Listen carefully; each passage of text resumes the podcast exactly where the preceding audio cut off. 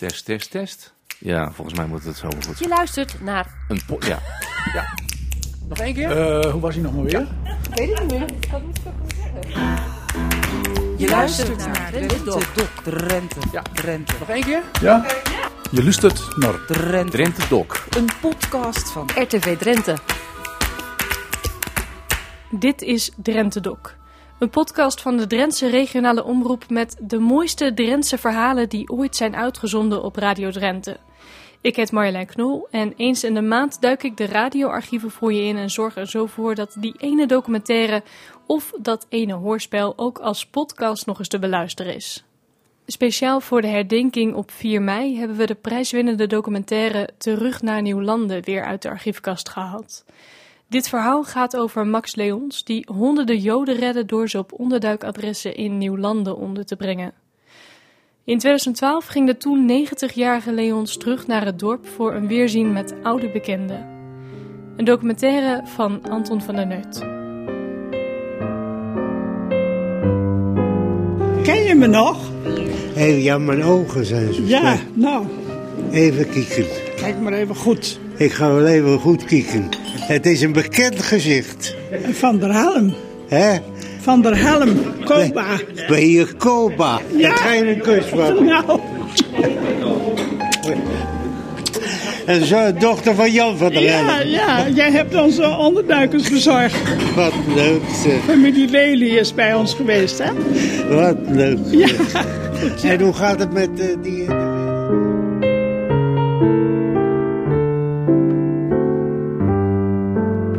Ik ben Gert van der Vinnen.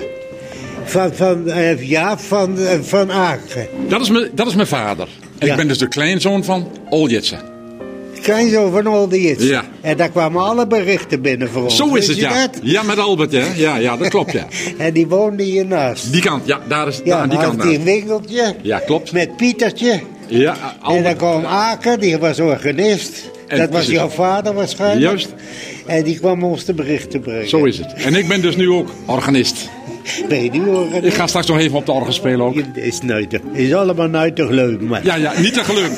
En, mijn- Hey, en, je kent, en je kent mijn broer ken je ook goed, Gezienis. Want die had toen het café. Ja, die is En- toen gescheiden. Klopt. Ja, die je weet alles, het joh. café van Kleinsma. Kijk, je weet alles. hè. En die is gescheiden. En toen is, eh, heb ik hem ergens opgezocht. Ja. En hij zit ergens een vriendin uit Zeeland Ja, of klopt. zo. Die uit Brabant. op. Woont nu in Borger. En dus als je met hem praat, met Nico zeg je, dan moet je plat praten. Want dat vindt hij hartstikke mooi. Ja, dat vind ik mooi, maar daar heb ik geen meute met. Nou, dat ga ik hartstikke plat. Daar heb ik geen meute met.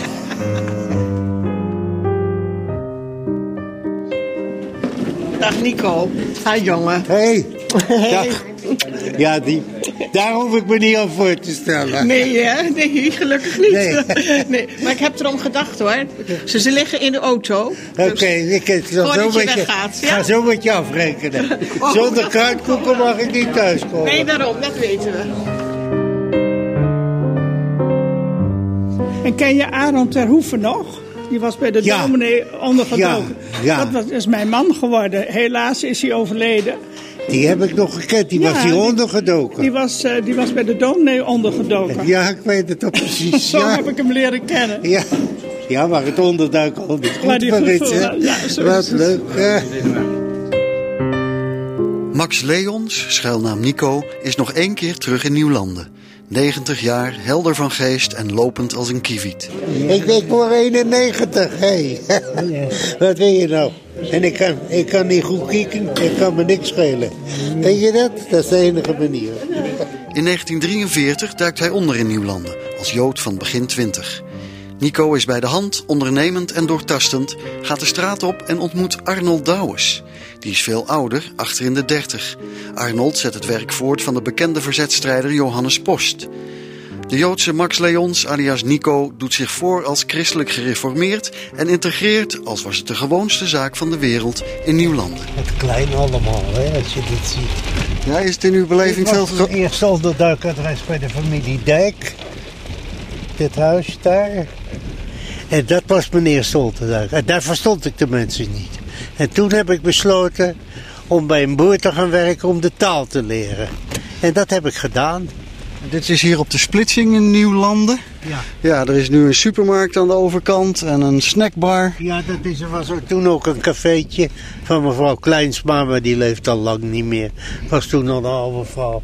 En daarnaast had je de kapper. En daarnaast had je een textielzak van de Ma. Maar u zat daar zelf ondergedoken. Ik zat hier ondergedoken, maar ik ging gewoon vrij rond, want ik was christelijk gereformeerd. Dus ik, eh, ik was niet goed constant echt ondergedoken, helemaal niet. Ik liep gewoon vrij rond. Maar Arnold Douwers zegt ook in eh, de tv-documentaire Gered voor het Leven... dat u er als een, echt als een Joodse man ook uitzag. Ja, dat zei hij, dat klopt ook wel. Maar als je hier er niks van aantrekt, dan gaat iedereen geloven dat het niet zo is. Klaar. Er zijn meer mensen die zeggen, god die vet lijkt op dat en dat, maar daarom hoef je het niet te wezen. Er waren mensen uit Limburg, we hadden toch ook Zeeuwse onderduikers. We werden dus op verschillende punten gevraagd. Dan we, zijn we naar Venlo gegaan dat Zeeland ontruimd moest worden. Nou, daar hebben we Zeeuwse mensen weggehaald. Dat waren geen Joden, die zagen eruit voor tien Joden. Eén daarvan is zelfs gepakt en die is zo mishandeld en dat is onze ondergang geweest. Ja, hier moet ik stoppen. Ik zal even kort uitstappen, het is nou even droog. Mogen we even uitstappen? Kijk, hier was dat huis. Dit was mijn eerste onderduikadres van Diek. Die woonde hier. Eén dochter leeft nog in Canada, daar heb ik nog contact mee. En daar, heb ik, daar kon je wel, die kon zo plat praten, daar is geen idee van. Hi, hi, mijn jong, wat best je weer roe. Zwien, foute veen. Dan leer je het wel hoor, als ze dat tegen je zeggen. Foute veen. ja. En daar, daardoor heb ik gezegd, ik wil de taal leren, ik wil bij die mensen horen. Is veel veranderd? Enorm, enorm, enorm. Maar u kent het nog als uw broekzak. Ja, maar dat is ook geen probleem als je er zoveel intensief mee bezig bent geweest. Dan weet je dat wel. Maar ja, god, als je naar de Oostop gaat en de Boerendiek, dat is tegenwoordig met steen en, en, en bungalows. En vroeger was dat een blubberrotzooi. Maar dat is allemaal niet meer zo. En hier heeft u dus heel veel rondgefietst. Ja, maar ook, dat kunt u ook in mijn boekje zien. Ook, we werken eigenlijk landelijk waar de onderduikers in de Steeg, in Wageningen, in Dedemsvaart, in eh Hogeveen, in Hollandse Veld, in eh Elem, Nieuw-Zwinderen, nee, Krim. Dus wat dat betreft weet ik de weg hier nog wel hoor. Alleen ik fiets niet meer, dat is weer wat anders. Nee, we gaan al af en toe lekker met de auto om Ja. de plekken te bezoeken. Ja, daarom. Maar dat, is- dat is wel makkelijk, ja.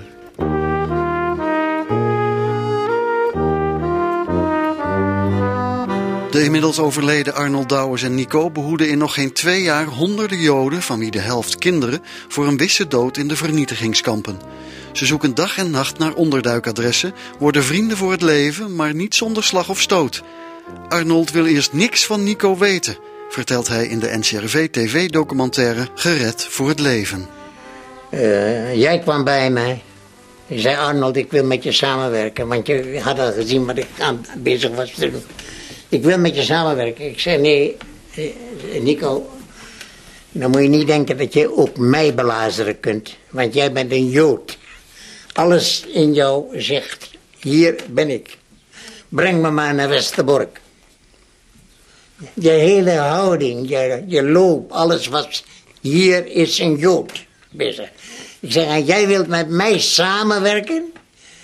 Ze zoeken jou omdat je een Jood bent, ze zoeken mij omdat ik in de politieblaadje sta. En dat kan helemaal niet, dat kan niet. Toen zei jij, praat geen onzin. Ik zei, nee, dat is geen onzin. Het is, dat kan helemaal niet. Volgende dag kwam je bij me met een papiertje. Er stond een adres op. Hij zegt, op dit adres kun je twee kinderen plaatsen. Twee Joodse kinderen. Ik zei, hoe kom je er dan? Nou, gewoon een beetje praten, zeg je.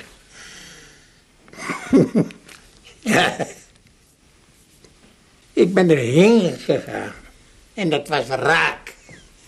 Twee kinderen. Volgende dag kom je bij me met een adres. Hier kan een oude man geplaatst worden. Was weer raak. Toen ben ik naar jou gegaan op je duikadres bij de familie Diek. En toen heb ik gezegd, Nico, vanaf dit moment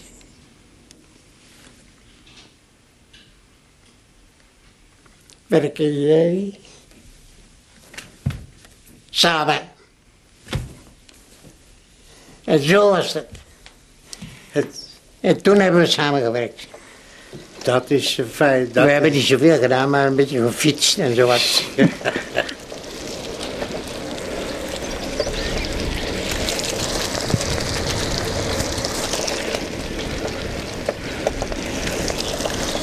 Even kijken.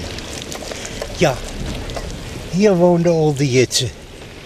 Die had daar een winkeltje en daar kwamen alle berichten binnen. En dan Aken, die organist was van de kerk, die waarschuwde ons dan. En dat was een winkeltje. Nou, dat was, de hygiëne stond niet aan de top.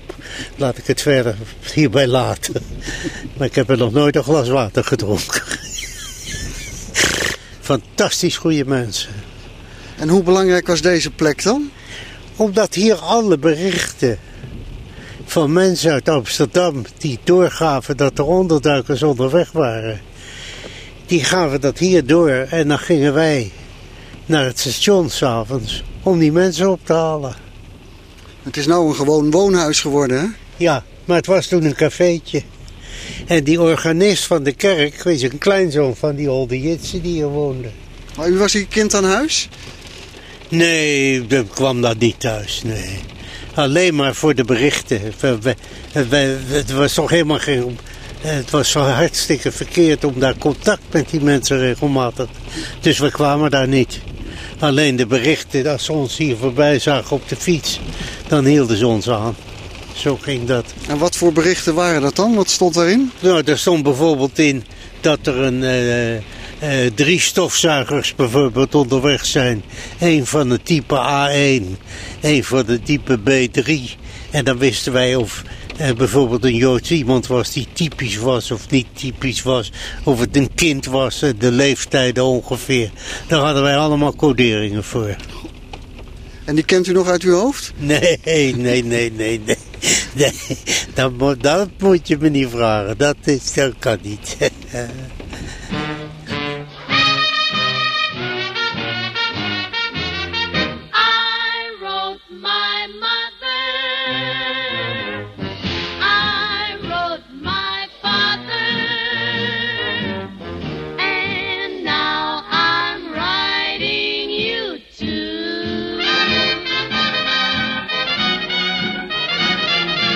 Ik ben Klaas Blanken. Ik woon in Hogeveen. En uh, ik heb Nico leren kennen als kind. Ik was toen zelf een jaar of negen, uh, tien, elf in het laatst van de oorlog. En uh, Nico die kwam regelmatig bij ons thuis. Om als eerste punt om even weer bij te komen. En dan ging hij weer door naar Nieuwlanden of andere plekken. En uh, ja, daardoor is die relatie ontstaan en ook is die gebleven. We zijn eigenlijk gewoon vrienden uh, geworden van die tijd. Bijzonder hè? Ja, dat is ook heel bijzonder. Nico is ook een heel bijzondere man. Dat, dat waardeer ik ook geweldig in hem. Uh, Nico als Jood, dat hij niet, niet zelf ging onderduiken in de ruimste zin niet. Hij bleef, maar hij bleef actief om mensen te helpen aan een onderduikadres. En dat is buitengewoon, heb ik ja, gewaardeerd in hem. En het, ja, gewoon een geweldige man is het. Echte vriend.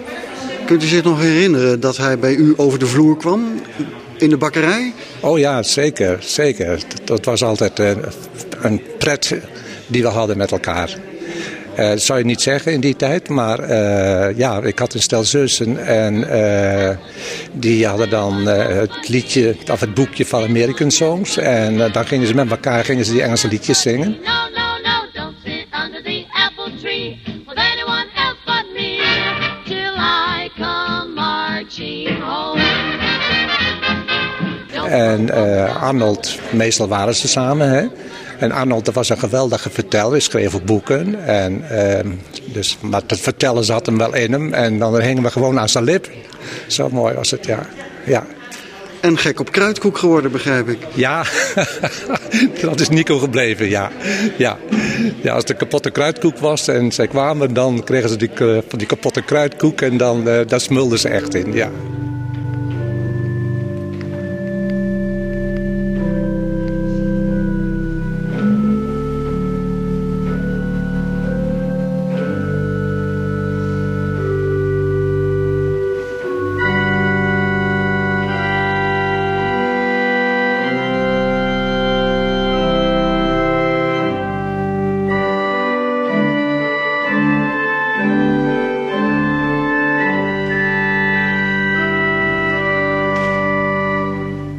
Hier ben ik zo vaak geweest. Mooie kerk. Wat? Mooie kleine kerk. Mooie kleine kerk. Ik heb vaak boven gezeten daar. Op balkon? Ja, op balkon. En toen ik in het begin hier kwam, ik was zogenaamd christelijk gereformeerd. Maar ik kwam uit een heel liberaal Joods gezin. En ik had nog nooit een Bijbel in mijn handen gehad. En ik ging dus mee. Ik had dus gezegd dat ik christelijk gereformeerd was. En die mensen waren gereformeerd. En toen hebben ze gezegd, ga maar met ons mee naar de kerk, want dat scheelt niet zoveel tussen de gereformeerden. En zei ze, heb je een bibel bij? Ik zei, nee. Nou, dan kan je van ons een bijbel krijgen. Nou, en ging ik met die bijbel naartoe en dan zei die dominee, ik ga nu voorlezen hoofdstuk zoveel, Johannes, van Johannes bijvoorbeeld, de versen 1 tot 3. En dan zat ik bij Ezekiel, of bij weet ik veel waar te kijken. Want ik had geen benul waar dat was. Dus ik hield die Bijbel zo dichtbij me, die kerk zat vol. Dat niemand erin kon kijken, dat ik helemaal verkeerd bezig was.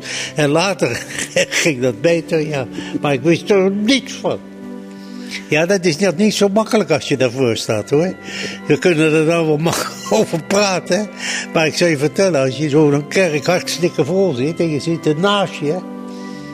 En je zit met de Bijbel in je hand en die dominee zegt we gaan dat en dat voorlezen. En jij zit heel ergens anders. Nou, dat, dat, dat, dat. Dan ben je al verloren voordat je begonnen bent.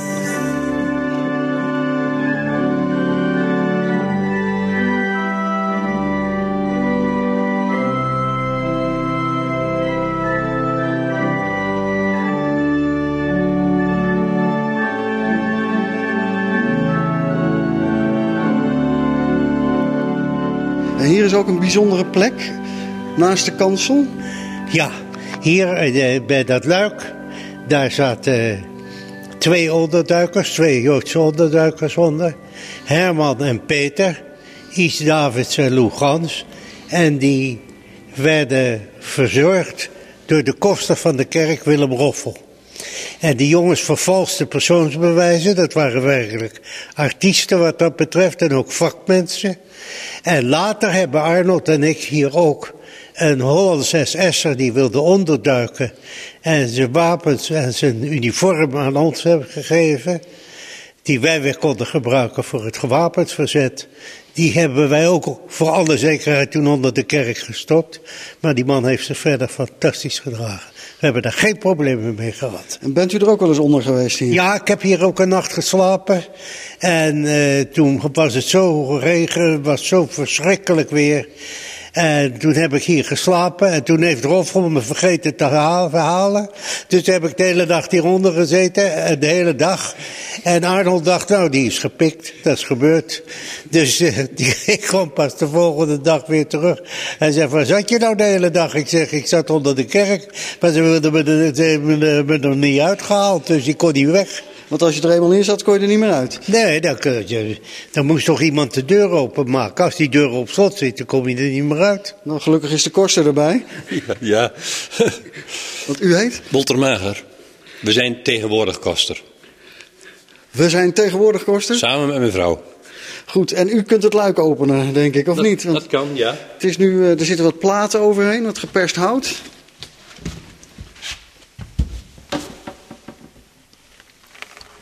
Dit kan zo open. En dat is het hol, het donkere gat. Ja, het heeft een grote ruimte hoor, daaronder. Ik zal eens even mijn hoofd erin steken, kijken of ik wat ik kan zien. Ja, ik doe het niet meer. Nee. Oh ja, dat is meters, diverse vierkante meters groot hè? Ja. Dit is on- onder de hele kerk. Je kan eigenlijk rechtstandig bijna onder de hele kerk doorlopen. En dan zit daar nog een keer een luik in het midden voor onderhoud. Daar kan je dus ook met een trap kan je naar beneden toe. En dan loop je zo onder de hele kerk door. En de jongens hadden een grote ton. En daar konden ze hun behoeften in doen. Want ze moesten toch naar het toilet. En zo. En dat werd één keer in de zoveel tijd werd dat geleegd ergens. Hoe kwam u, of hoe kwam Arnold, of wellicht zelfs Johannes Post, dat weet ik niet, aan deze schuilplaats? Nou, ik denk, die hebben wij op een gegeven ogenblik. Maar hoe dat toen gekomen is, dat weet ik niet meer. Want je moet één niet vergeten, als, je, als het je dagelijks werk is waar je mee bezig bent, dan zijn dat dingen die je volkomen ontgaat. Andere dingen die je exact weet. Maar hoe dit gekomen, maar ik weet wel dat dat heel lang is geweest en dat het onder ons, onder Arnold en mij, is gebeurd. Maar je moet me niet vragen hoe, want ik, ik weet het niet meer. Hoe lang hebben de mensen hier gezeten, onder de kerk? Ik denk een, een klein jaar. En dat is wat hoor. En misschien gingen ze s'nachts wel eens met roffel een, eh, eventjes naar buiten. Maar ze hebben al door hier gezeten. En dat is een. eh, maar ik heb er toen die nacht geslapen en dat ging prima. Lijkt me wel nou ja, in die tijd ging alles. Laten we eerlijk zijn, er was geen probleem wat slapen betreft. Je ging gewoon ergens pitten en klaar. Dus eh, dat was geen probleem.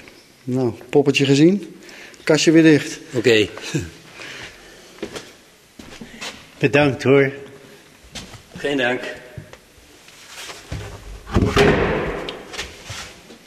Ik dacht dat er vroeger een ring aan zat, hè? Dat klopt ook wel. hè? Die heeft Dat ook- je met zo'n ring dat ding naar boven kon doen. Die heeft er ook wel aangezeten. En daar zat er maar één aan volgens mij.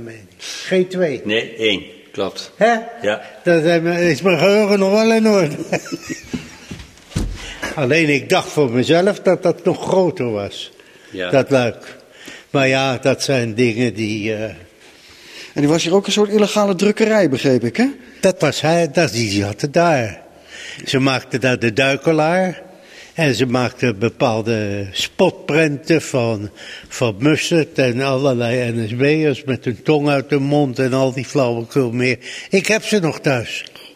Ik heb ze allemaal thuis. En de duikelaar, wat was dat? De Duikelaar was een krantje, die werd door Peter en Herman gemaakt. Die schreven dingen erin. Werd helemaal met de hand gemaakt.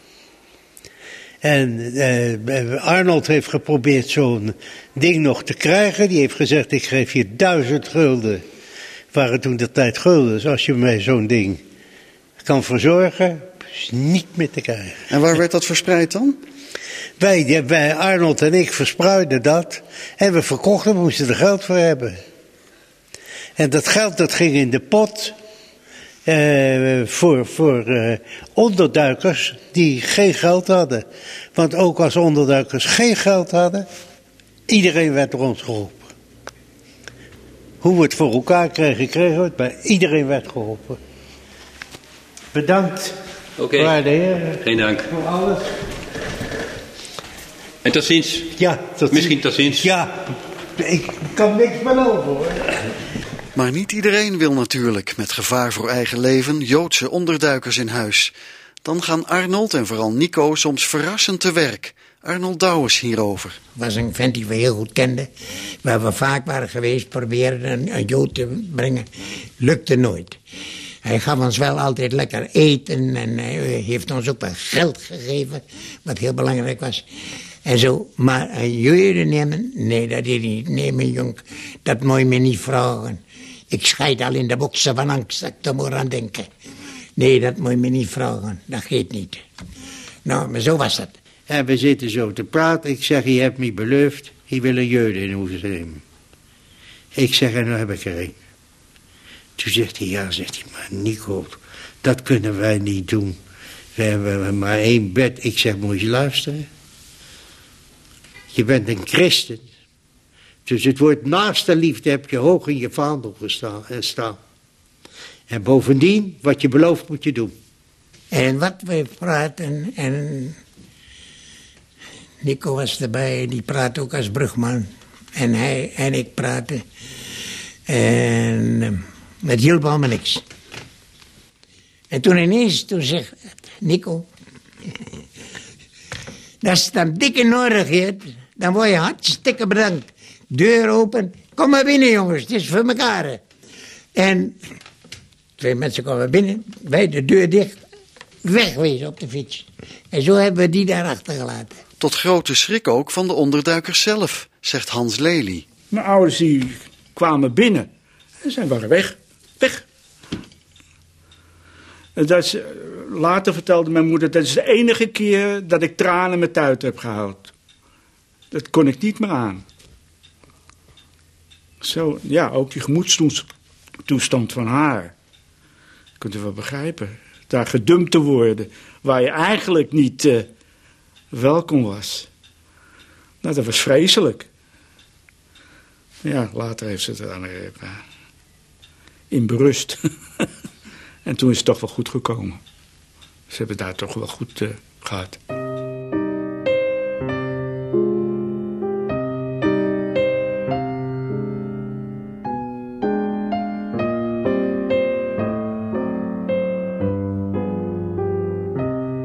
Uh, Co ter Hoeve. En ik was in de oorlog uh, was ik Jacoba van der Helm. En um, zo heb ik uh, Nico leren kennen, Nico en Arnold. Want zij hebben ervoor gezorgd dat wij ook Joodse onderduikers hebben gehad. Een Joods echtpaar uit Amsterdam. Dus in die tijd zijn ze meermalen bij ons thuis geweest. En ken ik ze dus vrij goed. En uh, ja, ze waren handig om ons uh, te overtuigen dat we onderduikers moesten hebben. Want het was hartstikke gevaarlijk natuurlijk. Ja, het was erg gevaarlijk. We hebben ons dat niet zo gerealiseerd, denk ik. Maar achteraf denk je, wat heb je toch een risico's genomen. Maar um, ja, we hebben het toch met plezier gedaan. En uh, het was natuurlijk... Uh, voor dat echtpaar was het fantastisch dat ze een plekje bij ons hadden. Maar misschien ook wel, ja, die spanningen, dat is toch ook heel negatief eigenlijk. Heeft het niet een hele vervelende invloed ook gehad op uw gezinsleven? Nou ja, we, het was natuurlijk, wij, hadden, wij waren met zes kinderen en nog drie onderduikers. We hadden ook nog een uh, andere onderduiker. Dus uh, ja, het is toch wel een hele moeilijke tijd geweest. Maar ja, we hadden het ergens ervoor over, denk ik. En vooral mijn moeder. Ik had een hele flinke moeder. Die, uh, die kon dat aan. En uh, we hebben verschillende keren huisbezoek uh, bezoek gehad van de SS. En dat ze ze bijna gevonden hebben. waren ze onder de grond bij ons. Maar dat gaf natuurlijk enorme spanning. Want als dat ze gevonden zouden zijn, dan was het niet best geweest, denk ik. Dan was de boerderij verbrand en wij waren naar Duitsland vervoerd. Dus het was toch wel heel spannend. Ja, we hebben nooit spijt gehad dat we dit gedaan hebben. Ik ben Elema. Duurt Elema. Ja, mijn broer die, die, die, die kende die veel beter. Maar, en, en maar daardoor En Laura. ben, ben ik ook een beetje ja, Laura met jou in contact gekomen. Ja. Ja, ja. Ik had een prima contact met zijn ouders. waren buitengewone mensen. Je moeder was een schat. Ach ja, dat, uh, daar, daar waren er nog wel meer natuurlijk. Ja, echt waar. Ja. Dat is een hele bijzondere Eh, vrouw. Hele lieve vrouw. En wat heeft die familie gedaan in de oorlog dan? Eh, nou, eigenlijk niks. Nee, werd niet. Maar ik kwam daar gewoon een kopje koffie drinken. We waren heel goed. Maar hij was gewoon, je, va je vader zei gewoon, ik ben te bang om wat te doen. Ik doe Ja, maar niet. die is later ook nog onderduiker geweest. En een broer van me, die, die, die, ja, die, die, die, die is ook in het veld. eh, Ja, dat kan wel zijn dat die onderbuik, nou, onderduikers in huis hebben ze niet genomen. Nee, we hebben een paar... eh, Die hebben die ja, niet genomen. Nee. Nee. Maar dat niet. was toch ook een groot risico natuurlijk? Tuurlijk was het een groot risico. Alles was in die tijd een groot risico. Hè, dat- dat- Daar wordt wel eens, daar wordt wel eens over gesproken. Ik zeg dat wel eens in een, een- een toespraak. Eh, ik heb maar een onderduiker gehad. Wat is dat nou, een onderduiker? En dan zeg ik altijd, je, dat, je weet niet wat je zegt. Ik zeg, want als je het nou omdraait en we leven nu... en omaatje komt een weekend logeren... En je hebt, een, een, je hebt een gezin, man, vrouw en twee kinderen. Dan moet iedereen zich een beetje inschikken. En dan moet een kamer vrijgemaakt worden voor oma en een wastafel. En dan op een gegeven moment, als omaatje hebben ze, iedereen houdt van oma. En oma wordt weer op de trein gezet op zondagavond. En als het gezin dan weer gezellig met z'n vier om de tafel zit, laat een van de kinderen zich ontvallen. Wat zalig om weer onder elkaar te zijn. Zegt, deze mensen hebben de deur opengezet voor iemand die ze niet kenden. En ze hebben dag één dag uit het volle risico Nou, gelopen. Mede voor een vrouw en kinderen. Ik kan alleen maar zeggen, ongeacht of ze nog in leven zijn. Bravo, geweldig gedaan. En dan sta ik in mijn eentje te applaudisseren. Maar, maar hoe vond u het dan dat mensen geen onderduikers namen? Want u was af en toe behoorlijk dwingend om de mensen toch ervan te overtuigen dat ze onderduikers moesten nemen. Of u ging soms wel ja, als mensen echt bang waren, dan vond ik het eh, niet dat ik het ermee eens was, maar het was toch ook moedig om te zeggen: ik durf het niet. Er waren heel wat mensen die altijd smoesjes verzonden, maar het feit om te zeggen: ik durf het niet, daar is ook moed voor nodig.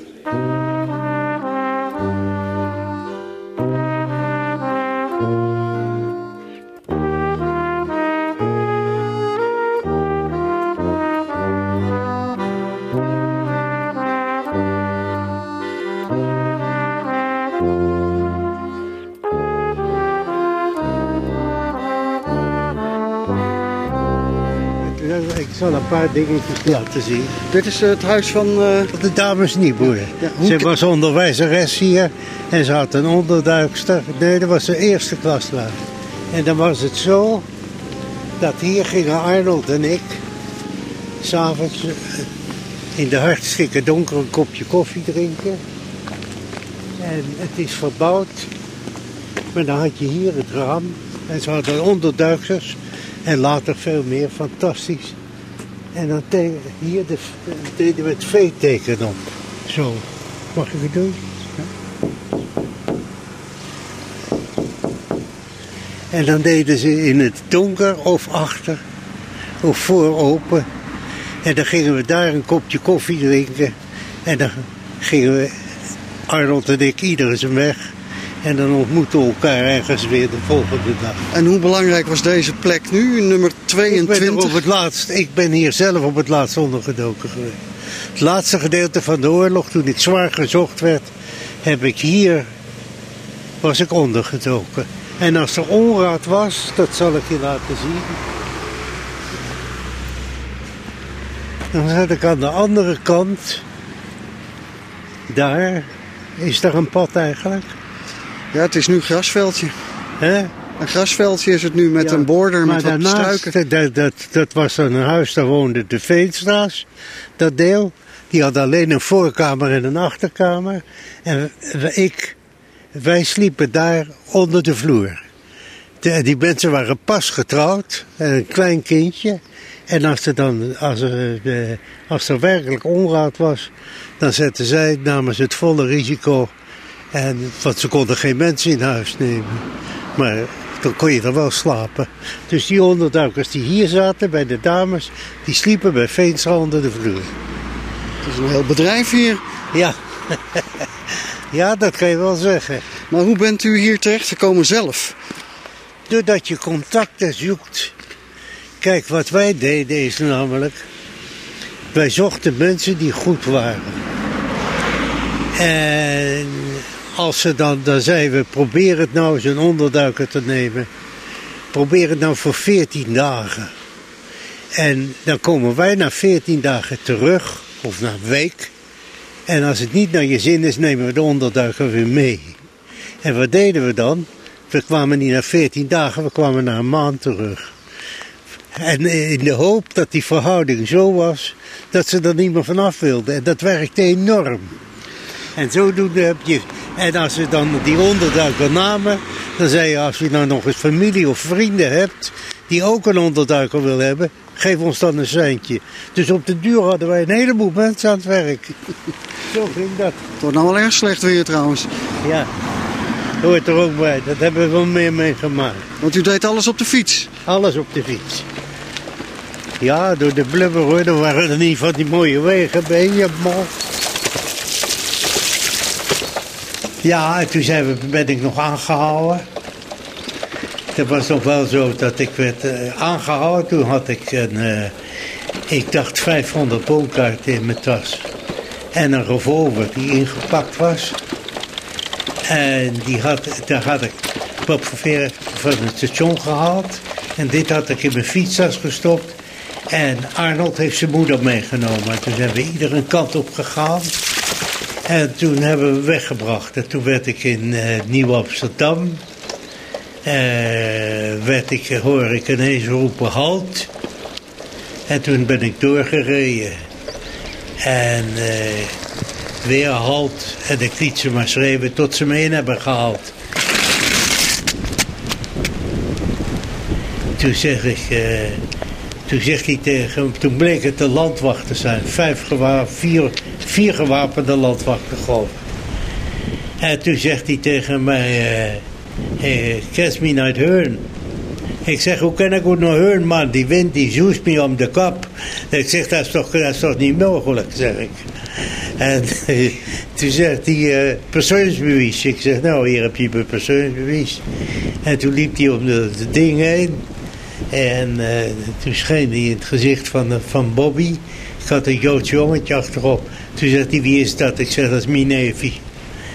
Ik zeg, maar ik moet op de voorspeld die in het hoge verne wijzen. Ik zeg, mooi. En ver weg was ik. En ik liet ze eigenlijk zo met z'n vieren staan. En ze konden geen boer baar meer zeggen. Ik denk, als ik hier maar weg ben. Dus dat was dat.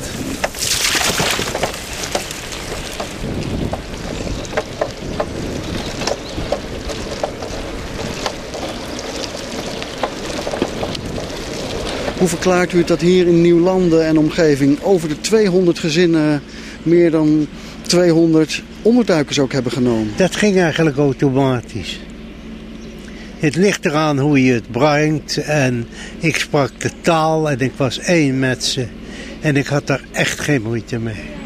Maar is het toch een speciale volksaard ook blijkbaar? Of uw overtuigingskracht en die van Arnold Douwers... dat zoveel mensen onderduikers hier hebben genomen in Nieuwlanden en omgeving? Ja, we hebben, we hebben ook hun gewezen, gewezen op allerlei situaties. Ook op hun eh, plicht als christen om je naaste lief te hebben gelijk jezelf. En dat je niet alleen eh, er bent om... eh, dat je ook daadwerkelijk de deur moet openzetten voor mensen die mee in de problemen zitten. En heeft u zich nooit bezwaard gevoeld dat u mensen toch soms moest overtuigen... of soms heeft u zelfs wel onderduikers gewoon maar achtergelaten... dat u die mensen toch in gevaar bracht, ook die Nou, dat onderduikers? wisten ze. Dat wisten ze.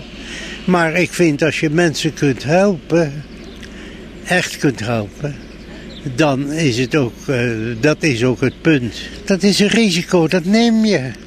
Maar u bracht daarmee ook mensen in gevaar. Ook mensen met jonge kinderen bijvoorbeeld. Ja, maar als ze dit risico accepteerden en ze waren het met me eens, waarom zouden ze dan de deur gesloten houden? Ik zou het zelf ook gedaan hebben.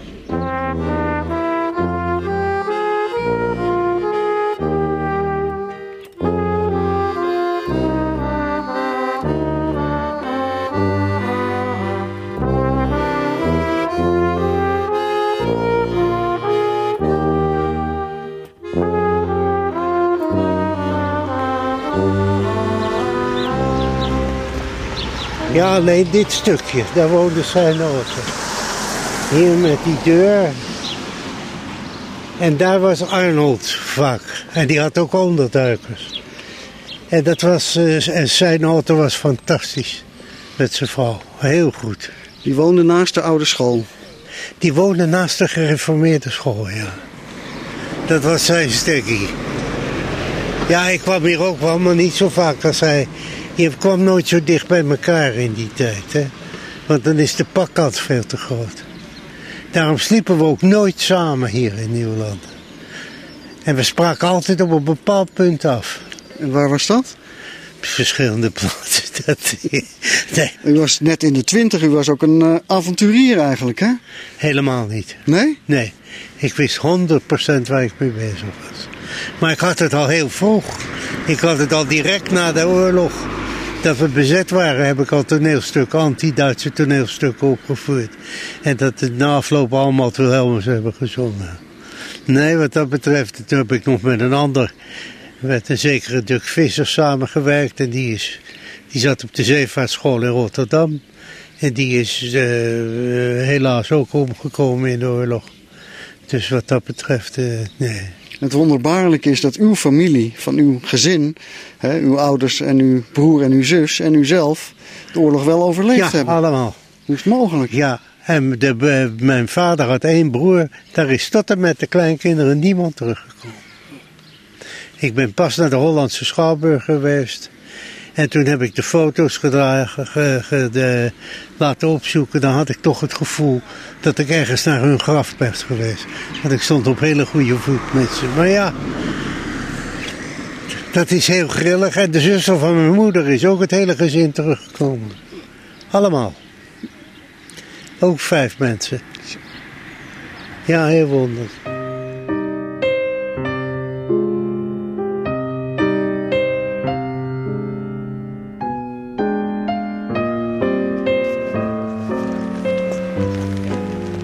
En daar aan de rand zeggen ze, daar moet nog wat zijn. Maar daar, ik denk dat zal na 70 jaar, kan nooit ver. Misschien is het er nog een dieptepunt of een kuil. Ja, god, als je wil, moet je met mooi weer, moet je maar daar eens gaan kijken en zoeken. Waar of het precies was, want dat weet ik natuurlijk ook niet meer exact. Maar hoe zag het eruit, dat hol? Nou, dat zal ik je vertellen. Je had een greppel. En in die greppel maakte ik een gat, een gang. en aan het eind van die gang maakte ik een vierkante kuil. Je kon er, je kon er eh, bijna in staan. En dat dekte ik af met eh, planken en eh, eh, asbest. Dat het ook vochtbestendig was. En dan deed ik de natuur van, van het bos eroverheen. En dan deed ik daar een luik. En dat trok ik dicht. En tegen dat luik aan was bijvoorbeeld dat gras, had ik er tegenaan gedaan. Geplakt op een of andere manier. Nou, ik moest zelf soms zoeken waar ik erin moest. En nu nog steeds, want het is eigenlijk niet meer terug te vinden. Nou, dat weet ik niet. Ik denk, kijk, laten we nou eerlijk zijn. Om door die hele rotzooi daar naartoe te gaan. En dan te kijken en dan nog zoeken. En dan is er misschien niks meer van over. Dan zie je misschien een beetje een gat of wat dan ook nog in de grond. En een stuk. Maar ik sliep daar heerlijk. En eh, u hield zich daar warm? Ja hoor, ik had geen deken, niks. Maar ik ging gekleed, eh, ging liggen. En stro, en dan ging ik op dat stro liggen. En dan had ik een, eh, een, een soort pijp gemaakt met een oranje steel en een rood-wit-blauwe kop. En daar een, een, een, een, een, kaars in. En dan stak ik aan met een lucifer. En dan, eh, als ik dat ding... Dat, eh, eh, maar meestal ging ik dus roken en dan ging ik naar binnen. En dan ging ik, eh, maakte ik de- de deur dicht, niet op het nachtslot, maar ik schoof hem dicht. En dan ging ik heerlijk pitten hoor. En maar je was ook wel moe hoor. En s ochtends vroeger aan de gang. Door weer en wind. En kou. En dan ging je s'avonds ging een sigaret roken. En dan zat ik aan de rand van zo'n bos. Man, dat maakte de stilte lawaai. Dat was zo fantastisch. En vooral als je zo'n enerverende dag achter de rug had. En je zat daar rustig. Dat kan je niet meer navertellen. Dat meen ik echt hoor. En dan was het niet zo dat er hier van die auto's reden. Niks. Dan hoorde je zijn hond in de verte blaffen. Ja, dat, was, dat was... Of dat er kilo's van je lichaam af.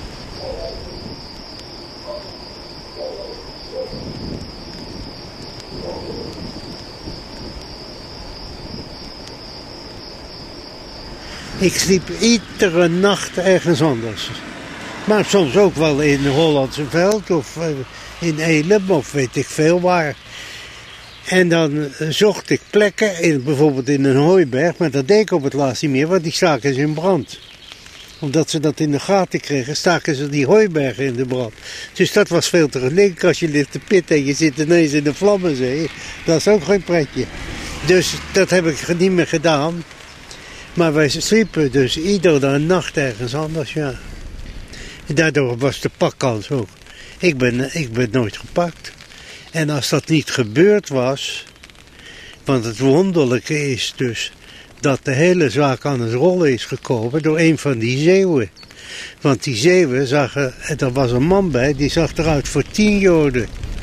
En toen zei Bakker Blanke, ik snap niet dat, dat Henny, die was onze koerierster, die nogal een beetje modieus was, dat die... eh, ja, je had er wel eens wind tegen hoor. Ja.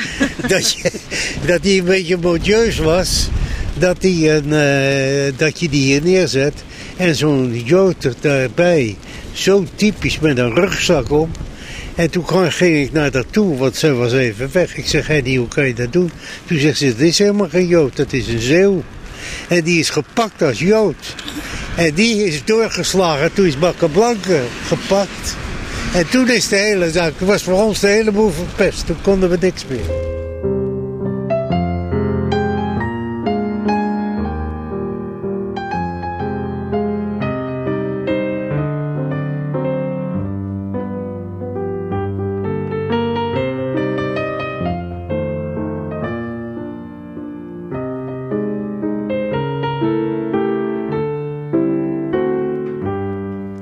Wij wisten dat het iedere minuut van de dag afgelopen kon zijn met ons.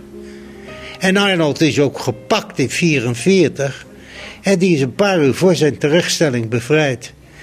Die was zo mishandeld, heb ik later gehoord, dat hij niet in staat was om naar eh, die overvalwagen te gaan. Dat zij hebben hem in die wagen moeten dragen. Maar eh, ik had zo'n vertrouwen in hem. Ik ben niet van het rest veranderd. Dat hij wist waar ik zat. Want u zat zelf ook daar in Nieuwlanden. Ik zat in Nieuwlanden, ja, maar dat wist niemand. Want ik kwam niet op straat. Ik, ik, ik bleef thuis. Ik zat bij dame en ik sliep s'nachts onder de grond. En Arnold is dus, wat ik zei, een paar uur voor zijn terechtstelling bevrijd. En die heeft moeten beloven dat hij geen contact meer met mij zou nemen. En dat we geen enkele activiteit meer zouden ondernemen. En toen kregen we een tip van de Nederlandse politie. Als ze ons zouden zien, dan zouden ze ons nog uitleveren aan de Duitsers. Dat was enkele dagen of misschien een paar weken voor de bevrijding. En toen heb ik gezegd, Arnold, ik zeg, weet je wat wij gaan doen? We gaan naar bevrijd gebied. Want Koevoorde was toen al bevrijd. En toen hebben we s'avonds of s'nachts de fiets genomen. En toen zijn we naar bevrijd gebied gegaan. En toen mochten we er niet in. En toen zijn we door de burgemeester, die heeft ons geholpen. En toen zijn we direct, hebben wij ons aangesloten bij het Engelse Tweede Leger. En hebben we meegeholpen tot aan de bevrijding.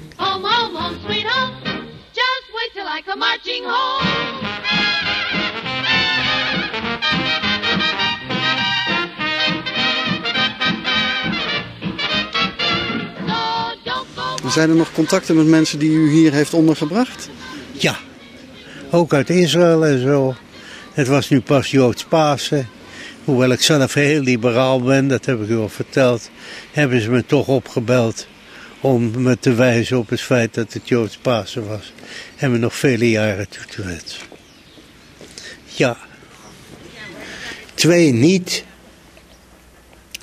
Omdat men bij die twee heeft men ons het, uh, laten we zeggen, min of meer verdacht.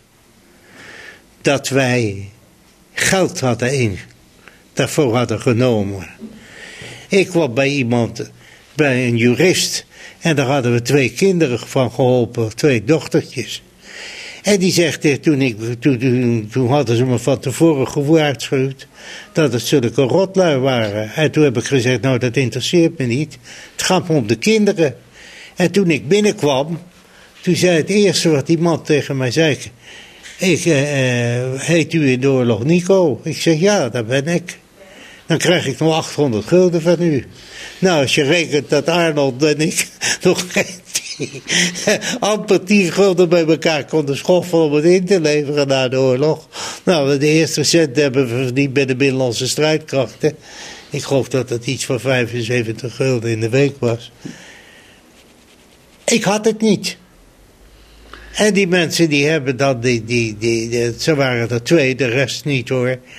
Maar dat was toch onmogelijk met zo'n aantal mensen. Als het geld aan je gaven, dat ging in één pot. En daar werd alles van betaald. Want er waren er een heleboel bij die geen geld hadden. En toch ook door ons geholpen werden. Want u moest voor die onderduikers en die gezinnen waar zij ondergedoken zaten ook van alles regelen. Ik moest daar, ik moest daar een, we, we, we moesten iedere maand kwamen we er langs om te betalen. Die mensen deden, konden dat niet voor niks doen. Er waren ook mensen die zelf vaak financieel moeilijk hadden. Eh, ze moesten iedere maand een bonkaart hebben voor hun onderduiker. Maar daar maakten we geen speciale boekhouding en afrekeningen van.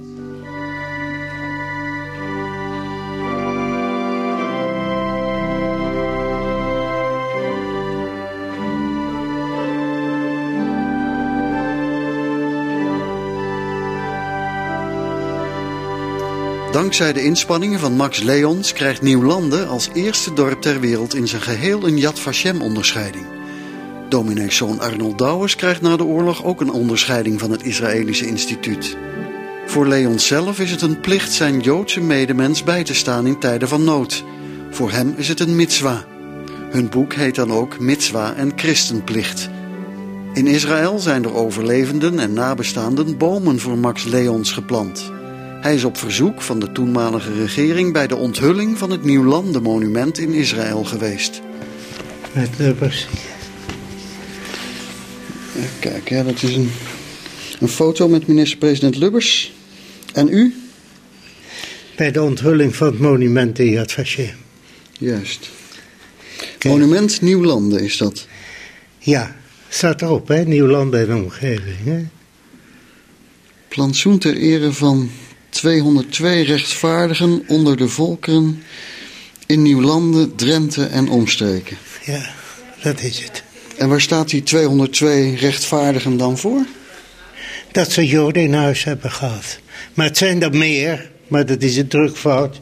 Het waren er ik 212 die tegelijkertijd zijn onderscheiden. Het was een enorme happening. Dat was ook oud-minister van Acht. En hoe vond u het om daarbij te zijn? Eh, als, ik had er liever niet bij willen zijn. Maar het was namelijk zo dat Arnold die zei ja, even, want Arnold was ook uitgenodigd. Maar die kon, was lichamelijk daar niet meer toe in staat. En toen zegt hij, één van ons twee moet gaan. Dat kan niet anders. Nou, toen ben, ben- ben ik maar gegaan. Ja, dat is niet zo makkelijk. Ja, wacht even. Kijk, daar heb je die lijst met al die... Een Amerikaan heeft één grote steen gemaakt met alle namen erop. Zo. En bovenaan staat Arnold Douw. Dat heet het Nieuwlandenplein in Yad Vashem. En daar is de koningin geweest. En daar heb ik gezegd, daar ben ik dus bewust niet gegaan. Omdat ik pas geweest was. Ja, het is wel wat om eh, majesteit dan af te wijzen, eerlijk gezegd. Wat? Het is nogal wat om majesteit af te wijzen dan, eerlijk Ja, gezegd. maar je bent toch ook niet geen showman, hè? En ik begrijp dat u ook de gezinnen kort na de oorlog, de gezinnen die onderduikers hebben genomen, ook een soort onderscheiding hebt gegeven, hè? Nou, we hebben dus alle mensen die niet alleen onderduikers hebben gehad, maar waar wij dus altijd op konden rekenen. Ook al was het gevaar nog zo groot dat ze de deur open deden, die hebben wij onderscheiden, ja.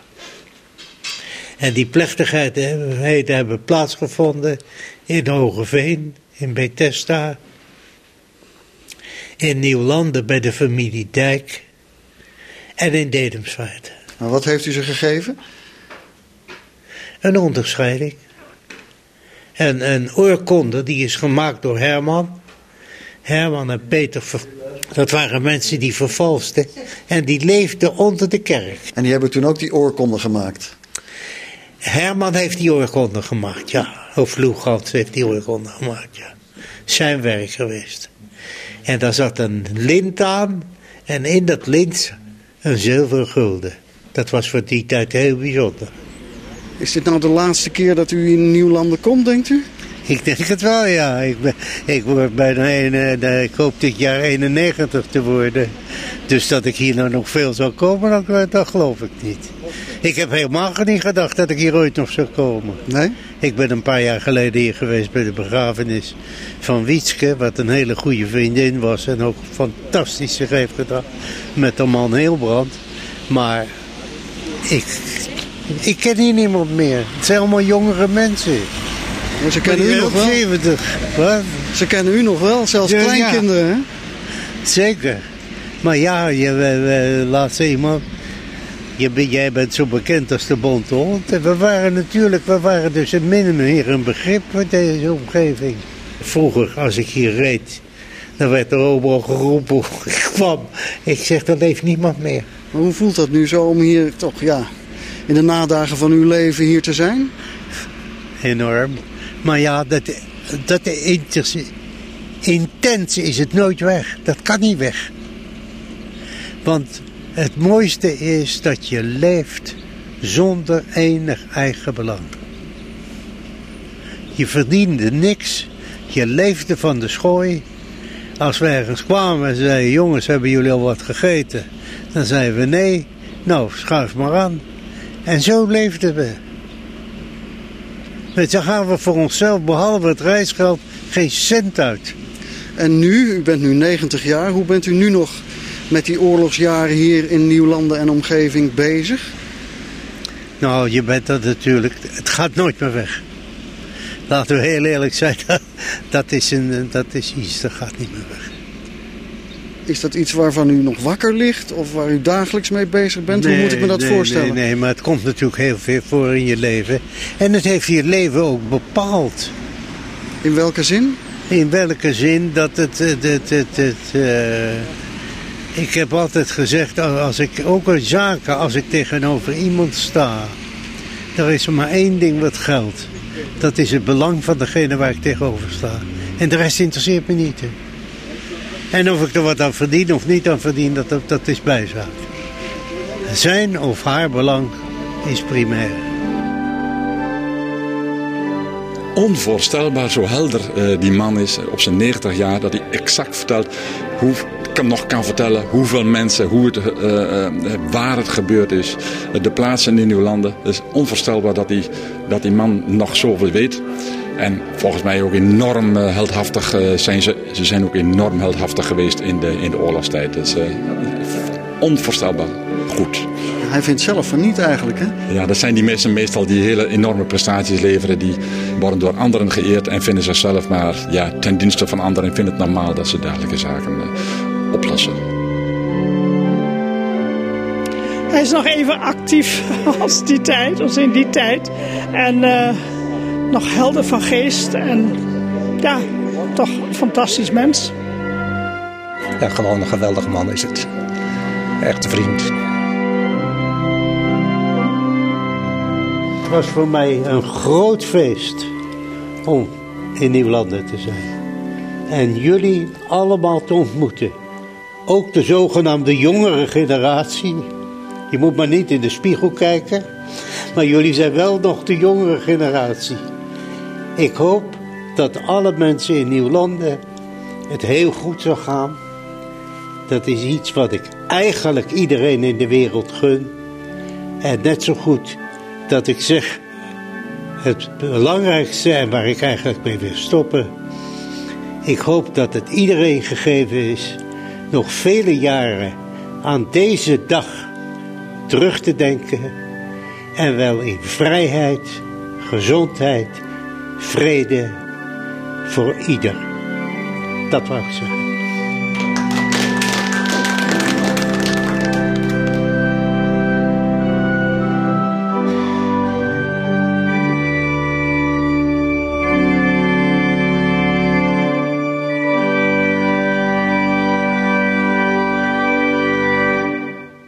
Je luisterde terug naar Nieuwlanden, een documentaire van Anton van der Neut. Dit was Drenthe Doc, een podcast van RTV Drenthe waarin we de mooiste radioverhalen nog eens opzoeken in ons archief en beschikbaar maken als podcast. Met dank aan Sander van Wees, mijn collega die het hele radioarchief doorspit en zonder wie deze podcast niet mogelijk is. Hij stoft de cd's en bandjes in onze kelder af en vindt al deze prachtige verhalen. Heb je tips voor ons? Wil je graag dat ene hoorspel of radiodocumentaire nog heel graag eens terug horen? Uh, dan horen we dat heel graag. Stuur een e-mail naar podcastapenstaartje.tvdrenthe.nl en dan gaan we ons best voor je doen. Bedankt voor het luisteren.